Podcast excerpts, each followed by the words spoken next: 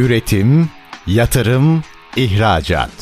Üreten Türkiye'nin radyosu Endüstri Radyo sizin bulunduğunuz her yerde. Endüstri Radyo'yu arabada, bilgisayarda ve cep telefonunuzdan her yerde dinleyebilirsiniz. Endüstri Radyo.com Salih Keskin ve Meral Dal Keskin'in hazırlayıp sunduğu Ya Olsaydı programı başlıyor.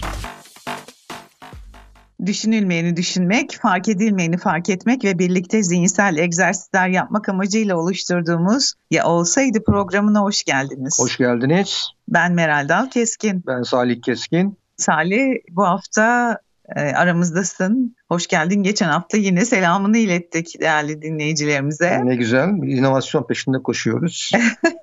evet çok değerli bir konuğumuz vardı.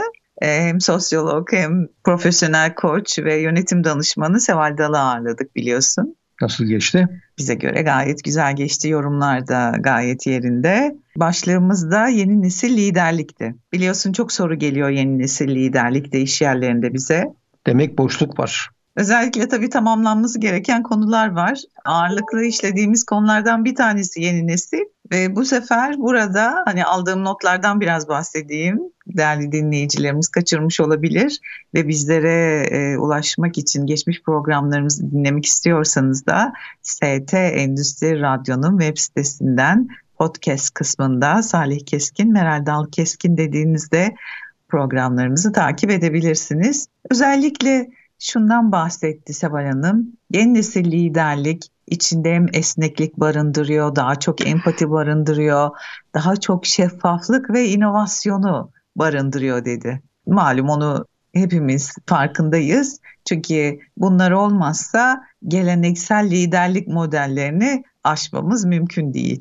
Ve liderlikte şeffaflık üzerine de konuştuk. Şeffaf liderler. Biliyor musun ben orada da belirttim programda bu yöneticiliğimin ilk zamanlarında okuduğum kitaplardan bir tanesi açık liderlik üzerineydi. Oradaki lider her türlü bilgi konusunda şeffaftı e, çalışanlarına karşı ve beni bu çok şaşırtmıştı. Aman Allah'ım dedim her şeyimi bilecek tüm çalışanlar. Oradaki kitapta bunun doğruluğunu söylüyordu. Bugünkü liderlerin ben bundan çok korkacağını, ürkeceğini tedirgin olacağını düşünüyorum. Ki hani böyle 20 yıl öncesinden kavramları konuşuyorum seninle. E, ama bunu bu korku da aslında çalışanların bilmesi gereken birçok konunun da bilinmemesi e, demek. Mesela halen hedefler konusunda e, çalışanlar tam bilgi sahibi değil. En önemli olan konu şirketin hedefleri. Vizyon, misyon ve değerler konusunda da bilgi sahibi olmadıklarını gözlemliyoruz ağırlıklı. Onun sebebi tabii yöneticilerimizin, liderlerimizin kafasında çok değişkenlik gösterebildiği için bu hedefler meselesi bir metreye bağlı olarak herhalde düzenlenmiyor diye düşünüyorum. Evet bir de yine dijital çağda liderlerin en büyük zorluklarından bahsettik. O da tabii ki hızlı değişen teknolojiye ayak uydurmak, sanal iletişim becerilerini geliştirmek liderlerin başlıca zorlukları arasında yer alıyordu. Bugün de yine e, dijital dünyayı biraz konuşacağız seninle. Aynı zamanda hızlı teknolojik değişim var. Veri güvenliği ve gizlilik meselesi yine e, yöneticilerin masasında olan konularda. Sanal iletişimin zorlukları henüz aşılmış değil. E, yetenek gün geçtikçe tabii ki daha yetersiz hale geliyor. Doğal olarak dijital teknolojilerin hızlı evrimi organizasyonlarda dijital yetenek eksikliğine neden oluyor ve liderlerin bunu kapatması için kendinde bu becerileri arttırması çok önemli bir konu haline geliyor. Yapay zeka otomasyon meselesi yine hem orta düzey yöneticilerin hem üst düzey yöneticilerin patronların masasında olan konulardan bir tanesi. Rekabet baskısı yine hani yüzyıllardır aynı konu ama daha da artan bir şekilde dijital çağla birlikte küresel rekabetle daha çok mücadele ediyor liderlerimiz. E doğal olarak tabii ki liderler değişime adapte olmalılar. Daha esnek olmalılar her açıdan. İnovasyon her yerde, her an, her dakika e, onları aslında bir koruma kalkanı e, ve sürekli öğrenme yeteneklerini geliştirmek durumunda kalıyorlar. Daha birçok konuyu konuştuk. Çok klasik. Nasıl olabilirdi? Belki aynı tümceleri, cümleleri başka kelimelerle kullanabilirsek klasiği aşabilirdik. Evet, o zaman bugünkü programda e, bunu aşmayı deneyelim diye öneriyorum. Aslında biz her programda aşmayı deniyoruz ama ne kadar uçuşa geçebiliyoruz, ne kadar fite çıkabiliyoruz bilmiyorum. Bunu dinleyicilerimize soralım o zaman. Ne kadar uçabiliyoruz sizlerle birlikte? Bunu sizlerden bekliyoruz. Bizlere sosyal medyalarımızdan her zaman ulaşabilirsiniz. Bugünkü başlığımız, atalım mı başlığı? O zaman akıllı bir değişim var. Akıllı değişime zorlanan dijital dünyayı konuşacağız. Yani zorlandığını mı düşünüyoruz? Zorlandığını düşünüyoruz evet. Zorlanmıyor mu akıllı değişime? Bu yazım benim tabii İTO gazetesinde önümüzdeki hafta çıkacak. Orada zorlanan kelimesini ben e, oraya yerleştirdim. Yani o zaman şunu belki tartışmamız gerekiyor. Gerçekten dijital dünya ve dünya akıllı değişime zorlanıyor mu sence?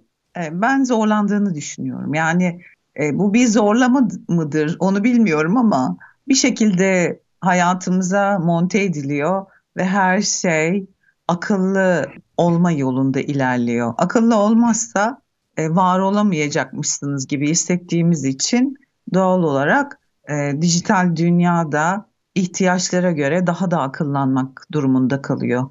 Yani burada tabii bir zeka evrimine de zorlanıyoruz. Hangi açıdan zeka? Yani kullanma açısından. Şimdi şöyle düşünelim. Bizim üst neslimiz, biz X nesliyiz.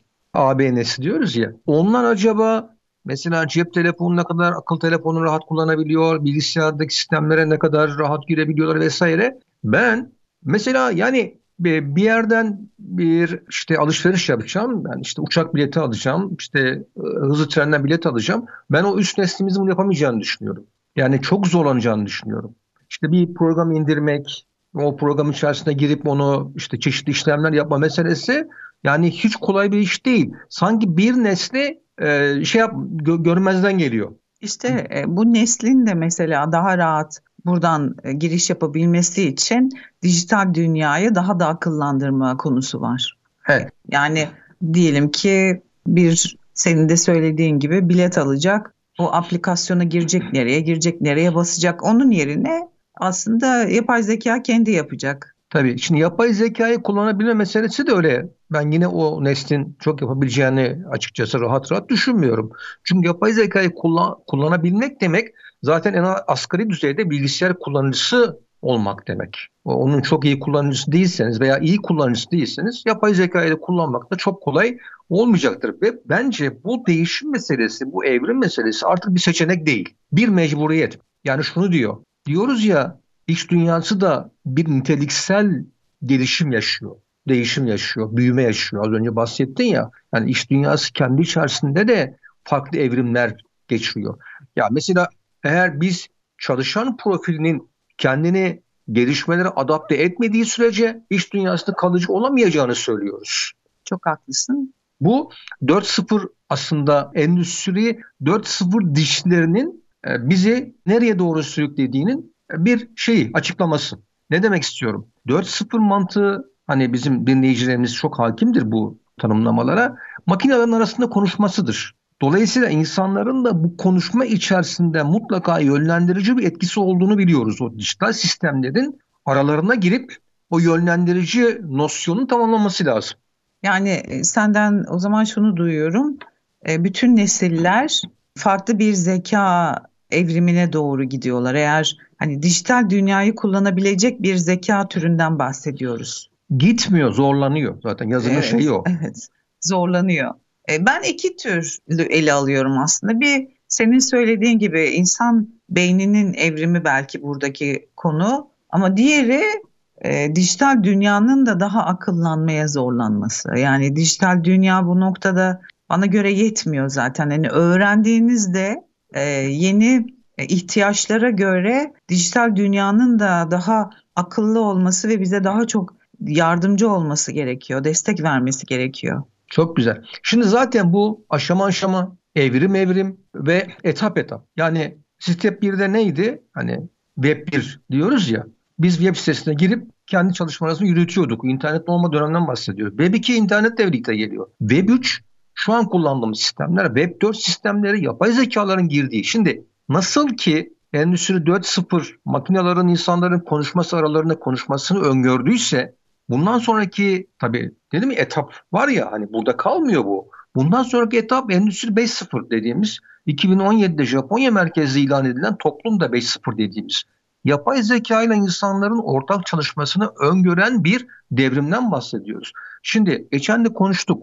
Biz yapay zekayı ülke olarak aslında yeni kullanıyoruz. Fakat dünya bunu o kadar yeni kullanmıyor.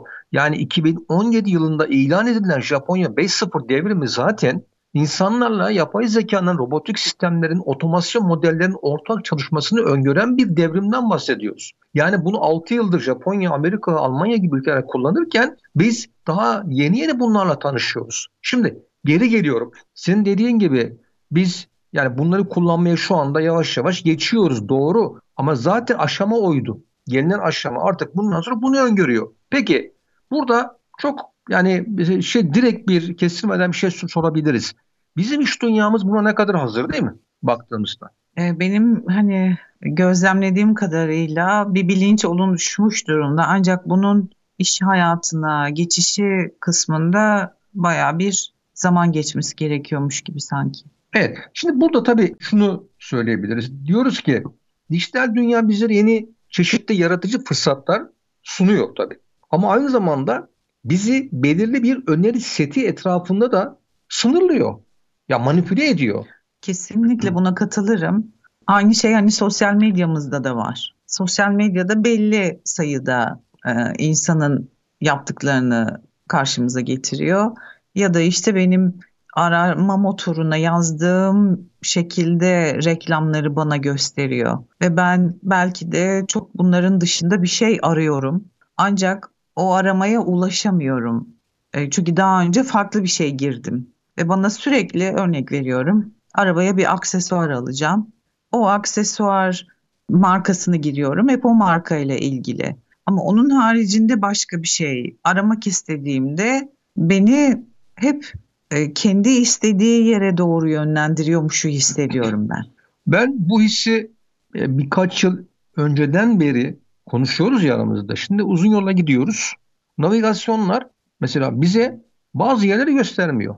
Mutlaka kendi içerisinde bir mantığı var. Onu kabul ediyorum. Fakat ilginç bir şekilde yani çok erken yola çıkıyoruz. Bazı yolların boş olduğunu da biliyoruz. Ama yine bizi istediği yollara yöneltiyor. Şimdi soruyoruz. O zaman şunu düşünüyorum. İstediği yollar neresi diye düşünüyorum. İstediği yollar ücretli yollar. Evet. Yani burada tabii art niyet yok. Yani e, o şeyde konuşmuyorum. Fakat bu soruyu soruyorum. Tıpkı senin dediğin gibi. Yani örnek veriyorum. Bizi bir gezi yapacağız. Gezmeye gideceğiz. Acaba dijital rehberler, akıllı asistanlar, şunlar bunlar web üzerinden bizi online olarak kendi istediği yöne yönlendirebilir mi? Ben yönlendirebileceğini düşünüyorum. Hatta belki de yönlendiriyor da biz farkında değiliz. Şimdi orada ne yapıyor? Karşımıza en iyi yorumları çıkartıyor. Yani en beğenilenleri çıkartıyor vesaire.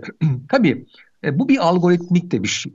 En iyi beğenilen yeri ona çıkartması normal bir şey. Ama orada şöyle bir şey var.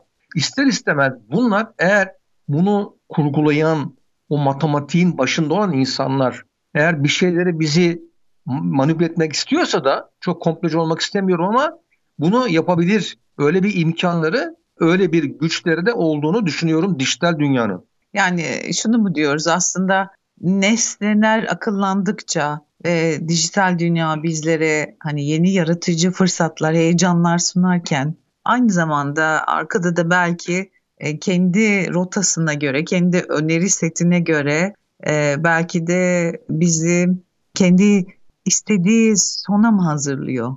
E, istediği son değil satış yapmak istediği şeye evet. yöneltiyor diyebiliriz. O anlamda bir sondan bahsettim aslında. Hani varmak istediğimiz rota bizim farklı, onun bizim varmamızı istediği rota farklı mı acaba? Mesela bu akıllı cihazlar eğer eşimizin, sevdiklerimizin, partnerlerimizin ruh halini anlamak için e, bir algoritmayı tercih ederse ve bize bu konuda bilgi vermeye kalkarsa ne olur? Onu da herhalde. Evet, e, çok zor bir soru sordun. Şöyle bir saatime bakıyorum. Kısa bir ara verelim. Aradan sonra yine birlikteyiz. Üretim, yatırım, ihracat. Üreten Türkiye'nin radyosu Endüstri Radyo sizin bulunduğunuz her yerde. Endüstri Radyo'yu arabada, bilgisayarda ve cep telefonunuzdan her yerde dinleyebilirsiniz. Endüstri Radyo.com Kısa bir aradan sonra birlikteyiz. Ya olsaydı programındasınız. Meral Dal Keskin ben. Salih Keskin. Akıllı değişime zorlanan dijital dünyayı konuşuyoruz. E, dedik ki ilk bölümde e, değişime zorlanıyor muyuz? Kim zorlanıyor, ne zorlanıyor? Ve Salih çok zor bir soru sordun. O soruyu hemen sizinle paylaşayım. O da e, dedin ki akıllı cihazlar oradaki partnerimizin, eşimizin ruh halini anlamak için bir algoritmayı tercih ederse ve bize bilgi vermeye kalkarsa acaba ne yaparız? Yani bu şu demek biyometrik sistemlerle yani mimiklerle, jestlerle, davranışlarımızla birlikte eşimizin o ruh halini anlamaya çalışan algoritmalar var şu anda. Çok ilerlemiş gerçekten. Ve bunu eşimiz için yapmaya kalkarsa, sevdiğimiz için yapmaya kalkarsa, daha doğrusu duygularımızı farkında mısın? Yani bir veri dünyasına dönüştürüyor. Evet. Yani duyguları veriye dönüştürmek demek, yorumlamaya açık hale getirmek demektir. Yani ölçülebilir bir modele oturtturmak demektir. Yani şöyle bir e, hayal edelim. Şunu mu demek istiyorsun? Oldu hani o günkü ruh hali biraz üzüntülü, hüzünlü. Algoritma bunu tespit ediyor ve partnera karşı tarafa gönderiyor. Bugün eşin e, şu an itibariyle hüzünlü. Sen eve giderken ona bir çiçek al. Partner bayan olsun işte hani kadın erkek arasındaki bir ilişkiyi canlandıralım. Çiçek al ya da bir şey e, götür şunu şu cümleleri kullanabilirsin onu daha mutlu edecektir gibi önerilerden mi bahsediyorsun? Yani bu iyi taraftan bakma diyelim. Ee, öyle bir fayda da olabilir, faydası olabilir. Onun dışında şu da olabilir. Yani bizim e, ruh halimizin değişkenliğini veriye oturtturduğu zaman ne kadar değişken olduğunu, ne kadar olumluya, olumsuza gittiğini de bir veri olarak bize verebilir. Ve dolayısıyla daha öncesinde de bunu bildirebilir. Bunlar avantajlı olmakla birlikte bir süre sonra bütün duygularımızın aslında bir sistem tarafından denetleniyor, izleniyor, ölçülebilir oluyor anlamına gelir. Bu şu da demektir. Yani duygularımızın olumsuz olduğu zaman bizim önümüze o duyguda onarabilecek bir sürü ürün şeyi de sunabilir. Hizmeti de sunabilir. Bak burada işin böyle bir tarafı da var. Hmm, anladım. Mesela benim duygularımı kadın olarak benim duygularımı anlayan algoritma yine üzüntülü olduğumdan yola çıkayım. Üzüntülü olduğumda e, belki de hiç satın almayacağım bir ürünü karşıma çıkartarak beni mutlu edeceğini düşünerek o satın alma butonuna sal, e, basacağımı biliyor olabilir mi diyorsun? O bir. ikincisi belki de yakınlarına ne kadar ruh halinin değişken olduğunu ve olumsuza doğru gittiğini konusunda bilgi de verebilir. Yani velhasıl bizim içimizde kalması gereken birçok bilginin dışarıya bir metrik sistemin oturtulması, bir sistem tarafından bunu biliniyor olması daha sonrasında yapay zeka işin içerisine girerse bizim istediği istenildiği kadar yönlendirilmeye açık bir kişilik insan olacağımız anlamına gelebilir. Aynı zamanda o zaman bu bizim e, duygularımızı her zerresine kadar bilen e, yapay zekanın duygularımızı bir süre sonra aslında indirip arttırmak, farklılaştırmak konusunda da bizi e, manipüle edeceği anlamında da gelir. Tam da bunu söylemek istiyorum aslında. Şimdi burada örnek veriyorum. Bir biliyorsun e, dizi ve film izlediğimiz pandemiyle birlikte çok dünyaca meşhur olan bir platform var. İsmi vermeyelim. Şimdi onun en büyük özelliği nedir biliyor musun? Büyük demeyelim. En önemli özelliği bu firmayı zıplatan, sıçratan, on misli büyüten özelliği nedir? Her dinleyicinin, izleyicinin ne izlediğini, ne kadar izlediğini, nerede durduğunu, nerede geri geldiğini, taleplerini, isteklerini, arzularını, beklentilerini hepsini arka tarafta ölçüyor olması ve bizim önümüze bizim tam beğendiğimizi getiriyor olması. Şimdi bu bir süre sonra ülkelerin de aslında beğendiği ortaya çıkıyor. Örnek veriyorum Türkiye'de dizi ve film yaptırırken ülkedeki Türkiye'deki insanların o beklenti şeyine göre demetine göre bir film yaptırıyor. Meksika'da başka yaptırıyor veya işte Arjantin'de başka bir şey yaptırıyor. E, tabii bunun da o zaman günlük hayatın içinde hani yaşayacağımız heyecanlar, farklı görüşler, farklı renkler, belki küçük maceralar o anlamda heyecanları daha da azalması anlamına gelir, gelir mi? Azalması değil, kelimenin tam anlamıyla sıfıra yakın hale gelmesi bence anlamını taşıyabilir. Ee, bir süre sonra hani malum e, çok veri var uğraşmak durumunda olduğumuz. İş hayatında maruz kaldığımız veri farklı, özel hayatımıza maruz kaldığımız veri farklı. Bir süre sonra şunu fark ediyorum.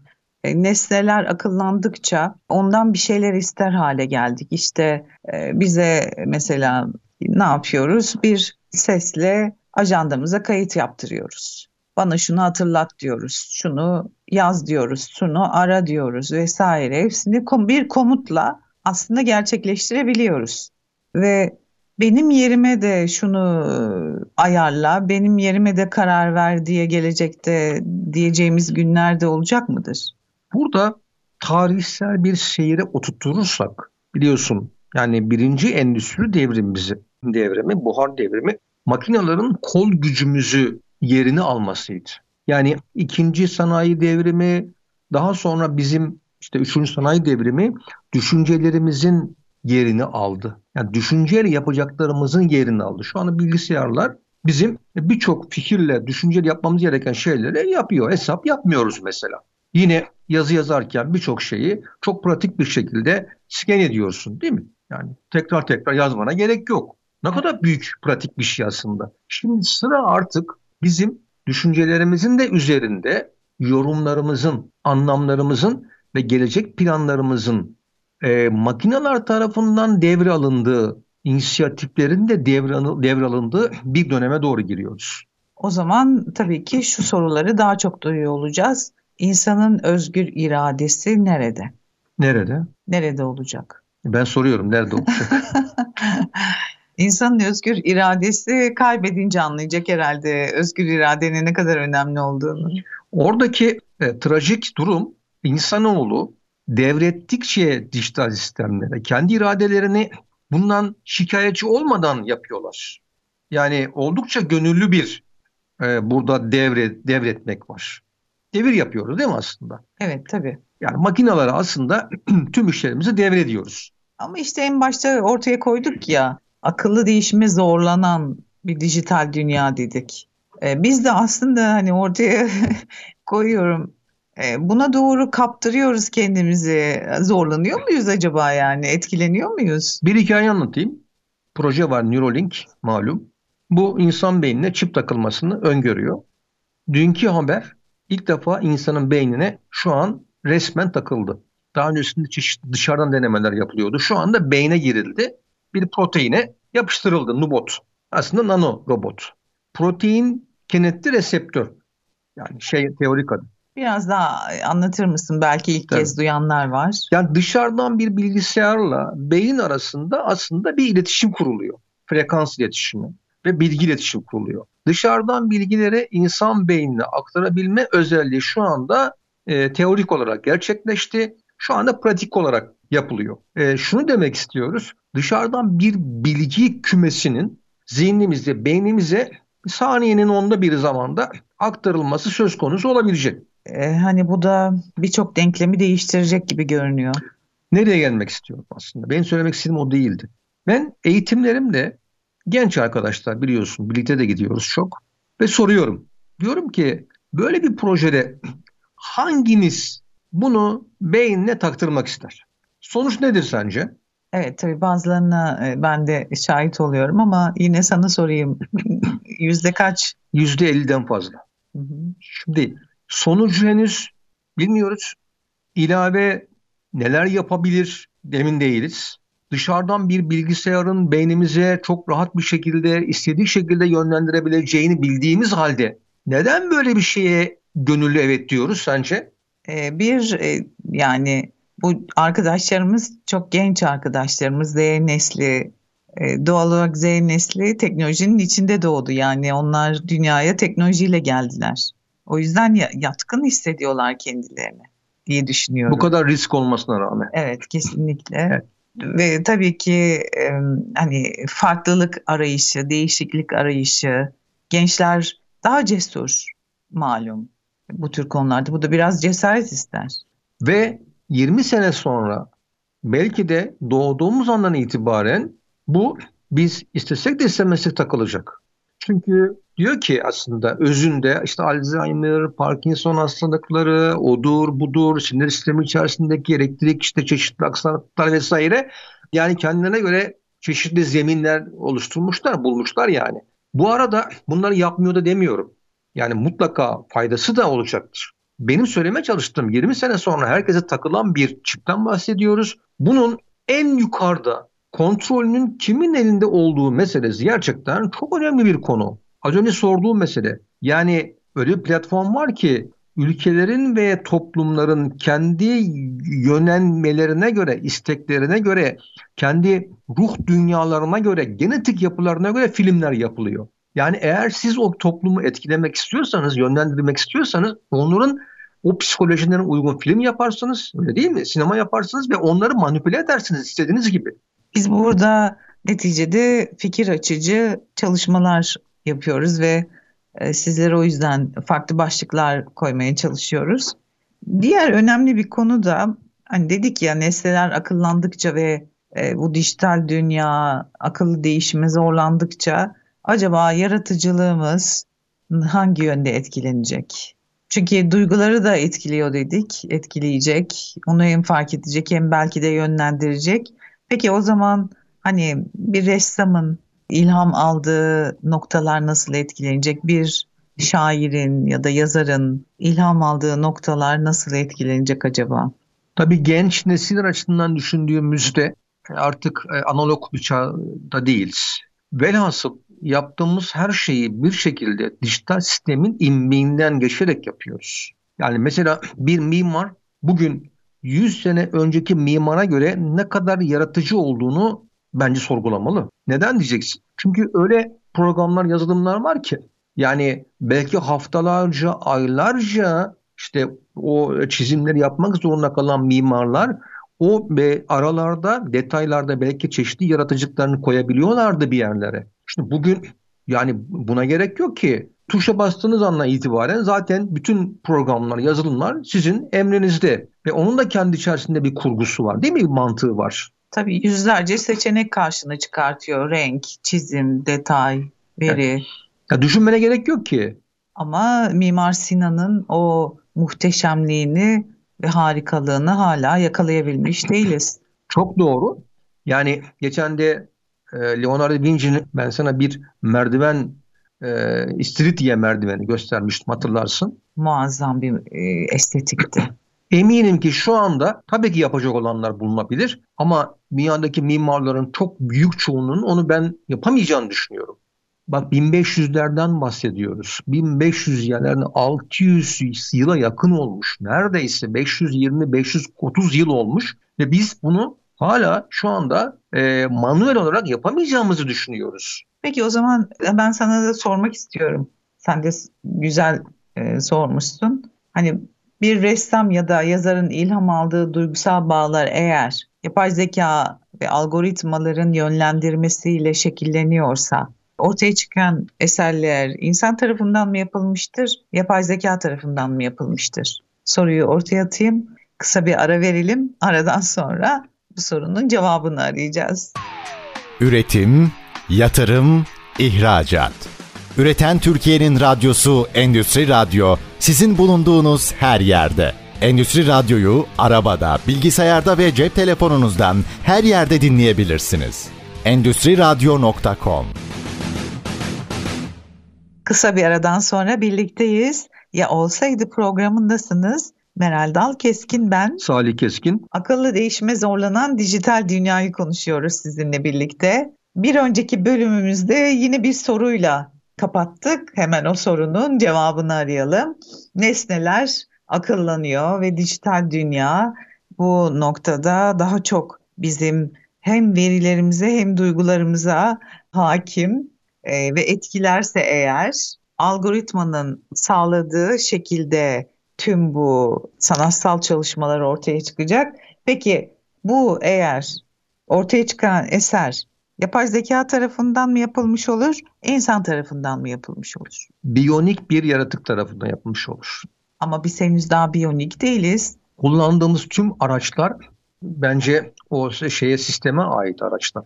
Yani siz mimardan gittik oradan gidelim. Bir inşaat mühendislerine gidebiliriz aslında. Eğer yaptığınız işlerin büyük çoğunluğunu yazılımlar ve programlar vasıtasıyla aracılığı yapıyorsanız orada insan etkisinin ne kadar olduğunu bir kere ölçmemiz lazım değil mi? Ne kadar bir insan etkisi var? Tuşa basmak insan etkisi değil bu arada. Ama ben yani binlerce veri arasından seçimleri ben yapıyorum neticede. Ama optimize ediyor. Yani sana en çok tercih edilen rengi getiriyor, en çok tercih edilen e, yapı türünü getiriyor, işte vasfını getiriyor vesaire. Yani kullanmayalım mı? Yok zaten biz e, bunu kullanmak tercihiyle karşı karşıya değiliz. Biz zaten bunu kullanmak zorundayız. Bunu anlatmaya çalışıyorum. Bir kere kullanmak, onu bir kere bilelim. Kullanmak zorundayız. Sadece orada tartıştığımız şey şu. Biz burada kendi irademizi nasıl koruyacağız? İnsana düşen tarafı nasıl muhafaza edeceğiz? Muhafaza edebilecek miyiz? Edemeyeceğimizi düşünüyorsun yani. Yani şu an bilinmeyen bir dünyanın içinde hep birlikte yer alıyoruz tabii ki. Neticede şu an tartışılan konu hani dijital dünyada etik meselesi ve daha insansı e, sonuçlar elde etmekle ilgili konuşmalar yapılıyor ya. Yani bunu hep birlikte karar versek ne güzel olurdu. Ama henüz bu konuda da çalışma yok. Tüm dijital e, dünya ile uğraşanlar, yazılımcılar diyor ki yani ülkeler toplanmalı. Bu konudaki e, tüm taraflar bir araya gelmeli ve etik konuları konuşmalıyız. İnsana dair etik konular. Açıkçası bu konuda hiçbir tartışma yok. Yani daha doğrusu tartışma olmaması e, ilgi çekici bir durum diye düşünüyorum. Onun sebebi yani insanlığın geleceğinin e, bu derece hoyratça diyelim e, olduğu bir dönemde e, cihazların, makinelerin üzerimizdeki etkisinin her gün çok e, yoğun bir şekilde e, arttığı bir dönemde bunun tartışılmaması yani insan etkisinin bu kadar azaldığı dünyaya doğru gidiyoruz ya bunun tartışılmaması ne kadar ilginç bir şey. Örnek veriyorum bir seçim var değil mi? Bir siyasete girmiyoruz programlarımızda. Şunu çok merak ediyorum. Mesela siyasetçilerimizin gerçekten makinelerle insanlar arasındaki ilişkiye dair fikirleri var mı? Yani bir projeleri var mı? Yoksa yok bu dünya zaten böyle gidiyor. Bizim söyleyeceğimiz hiçbir şey yok. Dolayısıyla ne olacaksa zaten olsun mu deniyor. Ama görünen şu ki her şeyin veri haline geldiği bu dünyada tabii ki yaratıcılıkta daha veri odaklı bir süreç haline geliyor galiba. Şimdi sen de yazarsın. Altı tane kitap çıkardın. Yedincisi yolda. Bir yazarın yaşayacağı o ilham noktalarını en iyi sen bilirsin. Mesela teknoloji, her şeyin akıllanması, e, senin bu konudaki e, yaratıcılığını nasıl etkiliyor? E şimdi orada tabii ben şunu söylüyorum. Diyorum ki dijital rehberler ve algoritmalar e, bizlere, sanatçılara çeşitli büyük veriyi analiz ederek eserlerin içeriğini zenginleştirebilir. Bu doğru. Yani gerçekten belki insanoğlunun dünyadaki gelişme sürecinin en hızlı evresini yaşıyor olabiliriz bundan sonra. Ona katılıyorum. Orada demek istediğim şey buradaki insan duygusal insan duygusal bağları ve özgünlüğünü biz dengelemek zorundayız. Ya benim özgünlüğümü e, ve benim zihinsel özgürlüğümü öyle değil mi? E, gerçekten işin içerisinde katabilecek olan tarafı korumak zorundayız. Ya ben bu şeyi ortaya koyuyorum, tezi ortaya koyuyorum. Şimdi aksi takdirde zaten bunlar insan tarafından hiçbir direnç geliştirmediği takdirde o zaman sistemler zaten bizi az önce bahsettiğim o kelimeyi tekrar kullanmak istiyorum. Hoyratça zaten o alanı işgal etmeye başlıyor. Şöyle düşünelim. Biz bunları bu kadar rahat kabul ettik. Önümüzdeki nesil öyle bir aşamaya gelecek ki artık kabul edeyim mi etmeyeyim mi aşamasını da geçecek zaten bu. Yani örnek veriyorum internetin dünyanın her bir kılcal damarlarına girmesi karşısında insanoğlunun hiçbir direnci oldu mu? Olmadı. Maalesef. Hala yok. Peki olmalı mıydı? Tartışılır. Fakat bu kadar rahat tüm kılcal damalara girmesi ve hiçbir itiraz görmemesi açıkçası beni çok şaşırtıyor. Yani şu sorgulanmalıydı. Yani bazı yerlerde girmeliydi, çok rahat izin verilmeliydi. Bazı yerlerde bence bir direnç gösterilmeliydi. Bir bariyer konulmalıydı. Yani bariyer hiç yok. Bir tümsek önünde hiç yok. Onu demek istiyorum. Evet bu da yine etik anlamında tabii ki söylüyorsun değil mi? Yani bu kadar hoyratçı olarak tanımladığımız şey insanı içinde bir şekilde yer alamayacağı ve önünde duramayacağı kadar güçlü şekilde gelmesi. Çok doğru. Mesela aynı şey yapay zekada oluyor. Şimdi yapay zekaya bir şey sorduğumuz zaman insanlığın bilgisini alıyor değil mi? Kullanıyor. Saniyeler içerisinde optimize ediyor. Kendine göre birleştiriyor, ekliyor, çıkartıyor vesaire. Ama benden de alıyor. Benim altı kitabım var. O internet dünyasında, dijital dünyada. Oradan da alıyor ama atıp yapmıyor. Yani şunu aittir demiyor. Belki ben o bilgiyi bulmak için çok ciddi bir zaman harcamış olabilirim. Veya birilerinin patentinden alıyor o bilgiyi. Bana vereceği bilginin içerisine yerleştiriyor. Ha, bu arada benim aldığım, ona sorduğum bilgi içerisinden de bir sürü bilgi alıyor. Tabii tartışılan diğer bir mesele de bu bilginin ne kadarı gerçek olduğu. Şimdi o da var. Yani oraya girmedim ama sen söyledin madem. İşte geçenlerde bir tartışma vardı biliyorsun. Artık yalan da söyleyebiliyor. Niye söyleyebiliyor? Çünkü yalanın olduğu bir dünyada yani yapay zekanın yalanı öğrenmemesi zaten söz konusu olamazdı. Yani. Çünkü aldığı veri insanlardan. ee, bir birçoğu intihal olabilir. Evet. Yani velhasıl bu yapay zekanın baştan dedik ya yönlendiriyor, manipüle ediyor ya bizi istediği gibi. Neye göre ediyor? Birilerinin algoritmayı oraya nasıl oluşturduysa o da bizi o şekilde manipüle ediyor zaten. Yapay zeka çok farklı değil bunda. Yani e, bu yeni akıllanan dijital dünyada insanlar için e, hem zorluklarla dolu bir yolculuk tabii ki var. Aynı zamanda fırsatlarla dolu bir keşif süreci de görünüyor. Ben özellikle e, bu süreçte hani hep söylüyorum insanın gerçekten insani değerlerini anlaması ile noktalanacak diyorum. İnsan kimdir? İnsan nedir? İnsanın güçlü yanları nedir?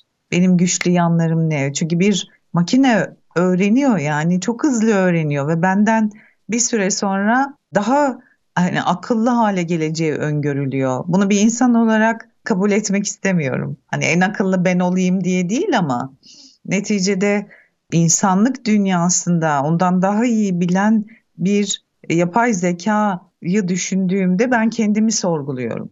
Bir kere bu tür sistemlerin, modellerin, cihazların, tekniğin özünde dünyada yaşayan insanların çok az bir kısmının bunu üreten olduğunu biliyoruz değil mi? Evet. Yani sokaktaki insanlara desek ki ya bir çip nasıl çalışır? Yani bir çip saniyenin trilyonda ikisinde açıp açılıp kapanarak nasıl bir iş üretir? Bunu kim söyleyemez değil mi? Zaten teknik bir konu. Söyleyemeyiz de. Ama bu şu demektir. O zaman şunu diyemeyiz. Yani biz aslında yapay zekayı oluşturan biziz. Biz kimiz? Sokaktaki vatandaş değil bir kere. Onu biliyoruz. Doğru mu? Yani Türkiye'de yapay zeka içerisinde yer alabilen, bunu anlayabilen, bu konuda çalışan kaç tane insan vardır sanırsın? Ama veriler hepimizin verileri. Çok güzel. Kimseye de sorulmuyor bu arada. Yok her yerden topluyoruz. Yani ilk önce sosyal medya ağırlıklı gidiyor veriler. Mesela bir de fotoğraflarımızın da hepsine hakim. İşte şimdi kız kardeşim bir tane gönderdi. Ee, 1930'lu yıllarda nasıl görünüyorsun? İşte 40'lı yıllarda nasıl görünüyorsun? Fotoğrafını paylaşıyorsun. O sana nasıl göründüğünü gösteriyor ki daha önce de farklı zaman diliminde paylaşmıştık. Muhtemelen o paylaştığınla bunu kıyaslayıp arada ne o diyelim ki 3 sene geçti. 3 senede sendeki değişimi de gözlemleyebiliyor. Bu konu çok eskidi. Yani şunu, şunu demek istiyorum. Daha ilerisi var. Sen Türkçe bir şey anlatıyorsun. Karşıya İngilizce anlatıyor. Ve ağız hareketlerini de İngilizceye uyarlıyor sistem. Yapay zeka. Evet. Bu şu demektir. Başkası tarafından benim görüntüm alınabilir. Ve ben o video içerisinde başka bir şey söylemişimdir. İsteyen birisi oraya hacker girer. Beni istediği gibi konuşturabilir. Bak bunun karşısında herhangi bir yasal şu anda ben bir şey olduğunu düşünmüyorum. Neden biliyor musun? Çünkü bunların henüz mevzuatları da gelişmedi. Yani o kadar hızlı hayatımıza giriyor ki biliyorsun internetin mevzuatları kaç yıl sonra gelmişti. O arada bir sürü sıkıntılar yaşandı insanlar açısından vesaire. Şimdi şuraya gelmek istiyoruz. Sonuç olarak yani bu insan makine işbirliği konusunda bundan sonra daha fazla etkileşim olacağını öngörebiliriz değil mi? Tabii ki. Bu yani bunu söyleyebiliriz zaten bu ortada. Ve insanlar bu algoritmaların sağladığı verileri değerlendirerek yaptıkları işleri, kapasiteleri çok arttırabilecekler. Bundan sonraki süreçte yaşanacak şeyler. Yani bu akıllanan dijital dünyada insanlar için hem zorluk yani hem de kolaylıklar da var. Zorluk nerede? Zorluk biz bu sistemleri nasıl kontrol edeceğiz? Etmeli miyiz? Benim sorduğum temel soru bu. Yoksa ben de kullanıyorum. Yapay zekayı ben de kullanıyorum. Ee, ve dolayısıyla o benim bilgimden de alıyor. Benim 150'den fazla makalem var internet dünyasında. Sürekli bunları kullanıyor değil mi? E, tabii. Ama bana sormadan kullanıyor. Yani şu an belki bu konuştuklarımız da o verinin içinde. Mesela inovasyon tekniği uyguluyoruz biz dinleyicilerimizle hep birlikte. Bu tekniği de alıyor, kullanıyor ve farklı bir teknik olarak belki de yine e, birilerine satıyor da olabilir mi? Sen evet. biliyorsun o teknikleri biz bulmak için ne kadar çok uğraştık. Hala üzerinde teknikleri çalışmıyor muyuz? saatlerimizi, günlerimizi vermiyor muyuz? E peki bu aynı zamanda farklı bir soru atacağım. Şeffaflığı da getirmez mi? Yani her şey şeffaflaşıyor işte. Peki o zaman emeğin hakkı ne oldu? Yani sen sabahlara kadar bir konuda çalışıyorsun. Başkası hiç kendini yormadan alıyor senin emeğini e, yutuyor anında. Evet yine emeği 1900 hani 30'lu yıllarda 60'lı yıllarda her bütün yıllarda konuşuyorduk. Yine bugün geldik 2024'lerde de emeği konuşuyoruz işte. Çok doğru. Neden biliyor musun? Birileri gerçekten gayret göstermeden, emek sarf etmeden birileri bunu yiyemez. Yani birileri patent bulduğu için biz o aletleri kullanıyoruz değil mi? Para tarafını bir de bırakalım. Evet. Kullanıyoruz. Birisi o patenti bulmak için aylarca, yıllarca laboratuvarlarda çalışmasaydı, ona kafa patlatmasaydı biz o aletleri kullanamazdık ki. Kullanabilir miydik? Kullanamazdık. Ha, birileri hazırlayıp yutuyor, Birileri üretiyor. Şimdi buradaki yapay zekanın yaptığı şey şu. Düne kadar bunların telif hakları vardı, o vardı, bu vardı. Ne kadar doğru yönetiliyor, doğruyu tartışmıyorum. Ama yine de kendine göre bir koruma duvarları vardı. Yapay zeka hiç kimse izin almadan şu anda ki benden izin aldığını iddia ediyor. Doğru. Zaten kullanmam için izin vermem gerekiyor değil mi? Tıklıyorum.